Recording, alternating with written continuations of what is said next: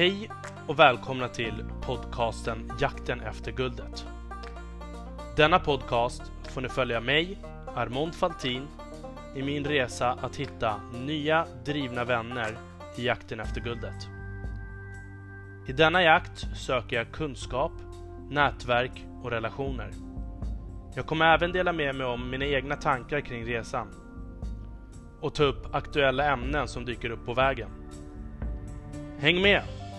Ingenting är omöjligt.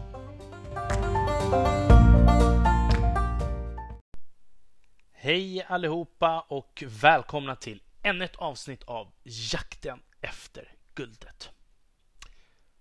Det här avsnittet så hade jag tänkt att läsa lite från en artikel som jag översatt. En eh, artikel från South China Morning Post Style, deras style-sida. det kanske låter lite konstigt för det har inte så mycket med stil att göra på ett sätt. Men jag fastnade lite grann för den här artikeln. Just för att jag har haft lite grann samma tankar. Vad händer när man väl har tjänat in sina pengar? Vad är det man vill göra? Och vad har det för påverkan? Mm. Det här är någonting jag kan... Eh, jag kommer att gräva ner mig i lite mer efter jag har läst den här artikeln. Men eh, den här artikeln är i alla fall skriven av... Eller det är en bok som är skriven av Justin Farrell som kallar Teton County, Wyoming för The Billionaire Wilderness.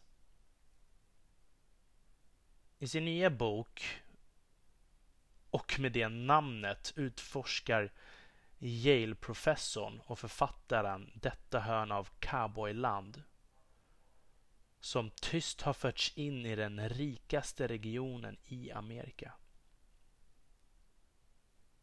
Den 10 000 kvadratkilometer långa västen som inkluderar skidorten Jackson Hole har landets högsta inkomst per capita. 252 000 dollar.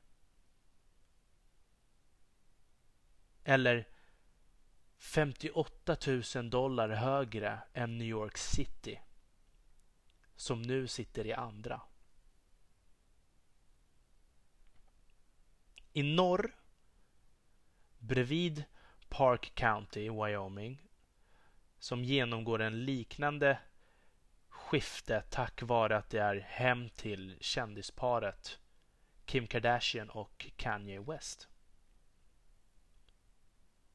Nästan åtta av varje tio dollar i inkomst som intjänades i Teton County 2015 kom från ränta och utdelning istället för konventionella löner. Inte konstigt med tanke på att godsen där ägs av sådana som Dick Cheney, Harrison Ford och Walmart-arvtagaren Christy Walton. Pengarna här tjänar mestadels på investeringar snarare än 9 to 5 Men det finns en mörkare sida i det här. Teton County fick också utmärkelsen att vara det län med den värsta ojämlikheten i USA. Den högsta procenten av de som tjänar in bokar hälften av sin inkomst medan de som arbetar in för de som tjänar minimumlön främst mexikanska invandrare. Flerfamiljer som ofta bor i trånga och i samma släpvagn.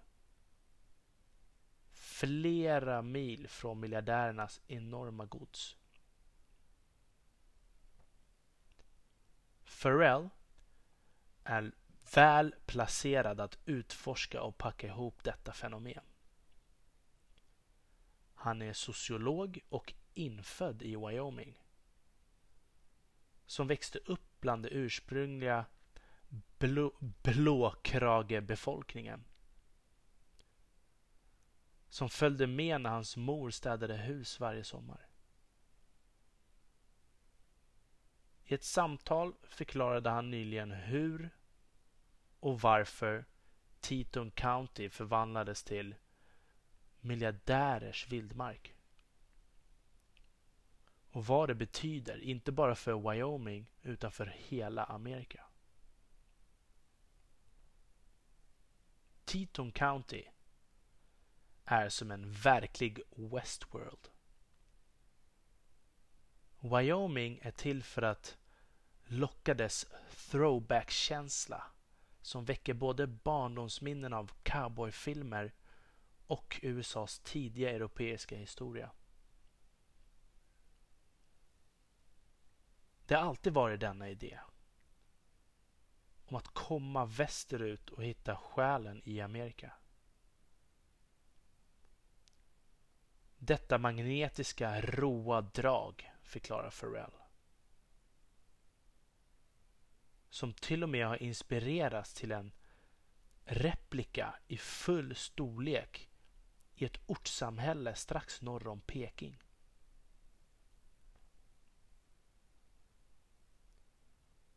Wyoming tillåter enprocentarna att rollspela det som kan verka vara ett enklare liv. Som en verklig Westworld, om än utan Android-bordellerna. Tänk på dem som Connor Royce som skulle vara tillbaka till landet miljardärerna. Som den äldsta sonen i Succession. Som avskräcker sin familjs livliga New York-liv till förmån för ett fux rustikt rik människas existens på en ranch.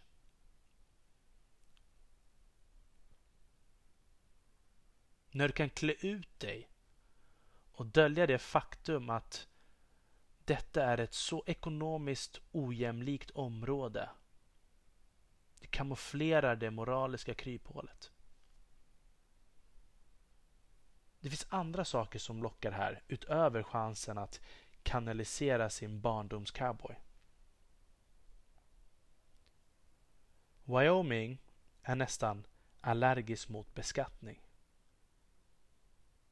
Det finns ingen inkomstskatt, effektivt låga fastighetsskatter. Och med en 4% i moms är det den lägsta i landet. Lägg till att det är bekvämt lösa krav på uppehållstillstånd. Och att det är lätt för en enprocentare att raka av sexsiffriga summor av sina skatteräkningar varje år genom att decampa, åtminstone på deltid, till Jackson Hole. Pengar du sparar spenderas ofta på filantropi.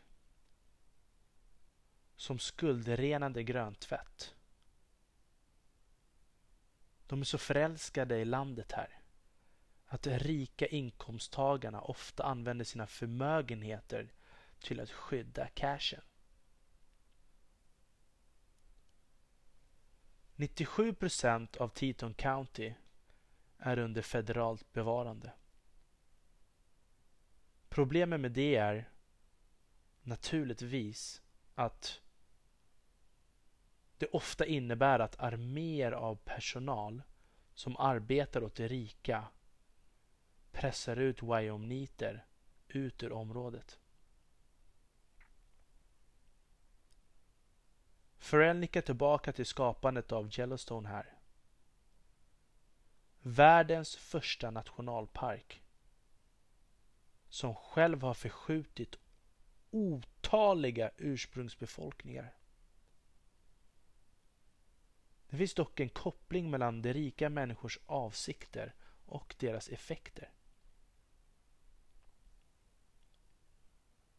Tänk på olje och gaschefen som flyttar hit och blir passionerad för att rädda älgen men inte känner samma sak för klimatförändringar. Det finns en känsla bland de ultrarika att synergin fungerar. Att rika människor kan ta hand om samhället. Men det är faktiskt kraftigt antidemokratiskt. Farrell tillbringade flera år på att intervjua både eliten och de arbetande fattiga i Teton County. Medan hans bok slutfördes före pandemin så fortsatte Farrell prata med lokalbefolkningen när coronaviruset hade spridit sig ut över USA. Han använde ofta en teknik som kallas parade intervjuer. Där han talade med arbetsgivaren och de anställda separat om samma ämnen. I dessa intervjuer betonade många av de rika hur mycket de älskar att umgås med sina blåkragekompisar. Var och en behandlar den andra som lika. Känslan var inte alltid ömsesidig. Särskilt under pandemin. Då många deltidare flyttade ut till sina rancher för att vänta ut pandemin. Timarbetare klagade till Farrell att hänsyn till deras välbefinnande och hälsa till stor del hade tagit dit annan hjälp till platsen för att säkerställa hem och trädgårdar. Ingenstans förkroppsligar Etter den låga nyckeln. Utomhusmässig rikedom av Jackson Hole och Yellowstone Club. Resorten på 55 000 hektar och 13 600 hektar är en av de mest exklusiva klubbarna i världen. Och inte bara för att de har en anslutningsavgift på 300 000 dollar och en årsavgift på 40 000 dollar eller så.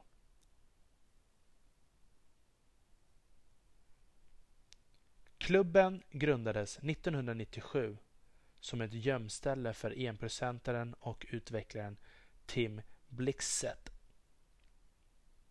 Det var han som började flocka till länet.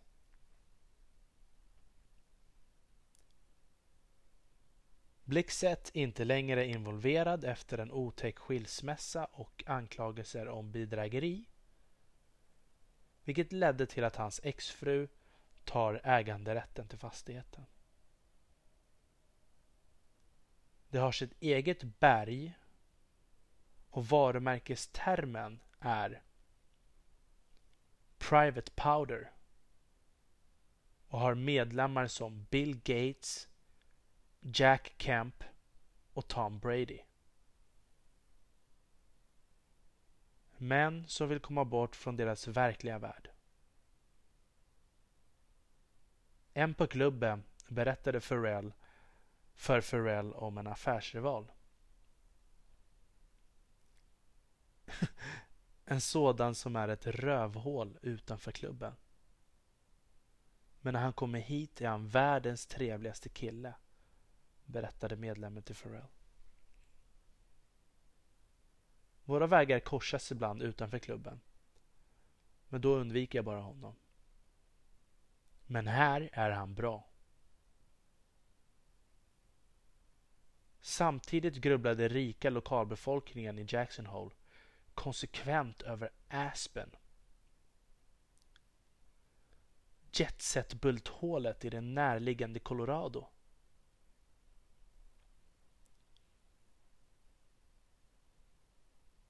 Det är de 100% bougie man eftersom människor vacklar rikedomar där.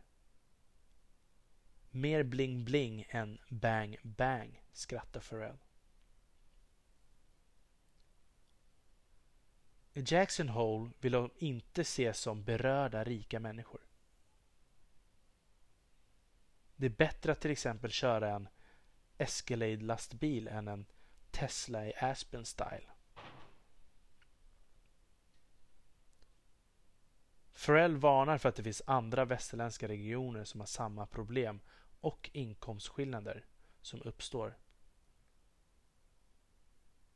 Som exempel som med Boys, Idaho, Boozman, Montana och Reno, Nevada. Du börjar se samma problem var som helst i närheten av öppet utrymme med hög livskvalitet, solsken och tillgång till rekreation och en anständig ekonomi. Det här säger Pharrell och förutsäger att arbetet hemifrån som härar från pandemin bara kommer påskynda denna förändring. Mm. Uff. Och vad tänker man om det här? Jag har ju alltid också tänkt att jag vill flytta ut till... Alltså jag, vill, jag, jag är ju en city guy. Men jag vill ju bo liksom där jag har ett stort eget utrymme. Det är viktigt. Och jag vill också vara nära befolkningen och människor. Men det är för att jag anser mig vara en, liksom, en på market-kille. Men så tror jag också att det, det finns en skillnad i amerikansk kultur. Dels i amerikansk kultur och sen i nyrik kultur och, och alltså old money på något sätt just vad det gäller i amerikansk historia också, det är att de verkar, de verkar hålla i sina pengar, snåla så himla mycket. Alltså ska jag flytta till ett samhälle, varför ska jag ge dem minimumlöner? Och jag skulle helt ärligt inte vara bekväm med att liksom ha massa housekeepers. Det får fan mina polare vara. Alltså mitt jävla entourage. Det är så jag ska försörja. det är så jag ska prisa mina alltså, polare. Eller hur? Och sen, alltså, i städerna, vad ska man göra då liksom? Jag vill ju öppna någon, någon slags liksom gratis skola där du liksom bara kan stiga upp tusen gånger bättre än en vanlig jävla skitskola. Där du får lära dig liksom e-, effektiva saker. Och skulle jag mina barn liksom jag vill också att de ska gå i en vanlig skola. Bland vanliga människor. Och där kommer jag fan muta eleverna och lärarna och säga ni ska behandla mina skitungar på exakt samma sätt som ni behandlar alla andra. De har inga företräden. Om ni spöar mina barn, ni kommer ändå få bada i poolen. Alltså det, det, det är liksom ska inte vara några jävla silversked i mina ungars munnar. Punkt. Jag tror att det, där, det, det är så himla svårt det där. När man hör hur det förändras och samtidigt vill man inte förändra. Samtidigt är förändring bra. Men jag tror att det gäller bara att ha örat till marken och inte liksom överdriva sin extravagansa grej som man vill göra där. Att liksom lyssna på lokalbefolkningen. Okej, okay, är det någon som behöver stöd för sin restaurang? Okej, okay, här jag går in som en 10% delägare. Jag skjuter till mycket mer pengar än vad de 10% är värda. Bara så du kan fortsätta jobba. Jag vill inte ha någon jävla cash. Jag skiter väl fan i det. Om man har egna pengar. Mm. Och lite sådana saker. Fan, folk får väl komma om de har idéer. Jag vet inte. Det är svårt, men det känns som att i USA så är det en helt annan kultur. Människor där, alltså allt ifrån idrottare till skådespelare, de blir snorrika och så bara köper de hus överallt. Tomma rancher överallt som bara kostar miljoner i månaden. Där ingen är. Och sen långt innan pensionen så blir de tvungna att sälja av skiten bara för att det bara kostat dem att hålla den i drift i total frånvaro. Som att de bara liksom skryter och stylar mot varandra men ingen riktigt så äger sig själv eller vågar vara på marken, vågar liksom take a chill pill. Och Det tyckte jag var bra i alla fall med 50 Cent när han sålde sitt stora hus till och, och göra ett barnhem för liksom en pissumma. Han tjänar inte en enda krona på det. Och han har liksom sagt det till alla andra rappare. Vad era idioter som köper stora hus, vad fan ska ni med det till? Ni kommer inte ens vara i det där huset. Det kostar bara pengar. Mm. Alltså jag tycker bara det, det kommer upp mycket funderingar kring det här. Skriv gärna in till mig era tankar kring avsnittet om uh, vad ni tycker och tänker om uh, området och sådär. Det är väldigt svårt för det, det är precis som han säger att även om man kommer in med goda avsikter så finns ju risken att man faktiskt kan förstöra en hel del också. Att du trissar upp priset när du kommer dit, mina vänner. Men om det är jag som har cash, då kan jag liksom bara nej, här, det här är mitt område. Ni får inte flytta hit om ni inte bor på min mark och i mitt hus. ja, så där vet du. Då får man bli en liten borgmästare där mot de andra. Ah, jag vet inte, fy fan alltså. Man kommer ju få, alltså. Det är så himla roligt när man har så mycket funderingar. Och sen när man väl kommer till de här punkterna så kommer man säkert få Oh, man har väl bitit sig själv i rumpan nu här och få höra sina ord som man sa innan man hade, hade det här. mm. Ja, hur som haver. Jag tror att eh, det här får vara allt för det här avsnittet. Och eh, skriv in till mig. Som sagt, jag kommer tjata, tjata, tjata, tjata, tjata. Och så länge Jakten efter guldet mina vänner. Vi hörs igen nästa vecka med vänliga hälsningar Armon Faltin.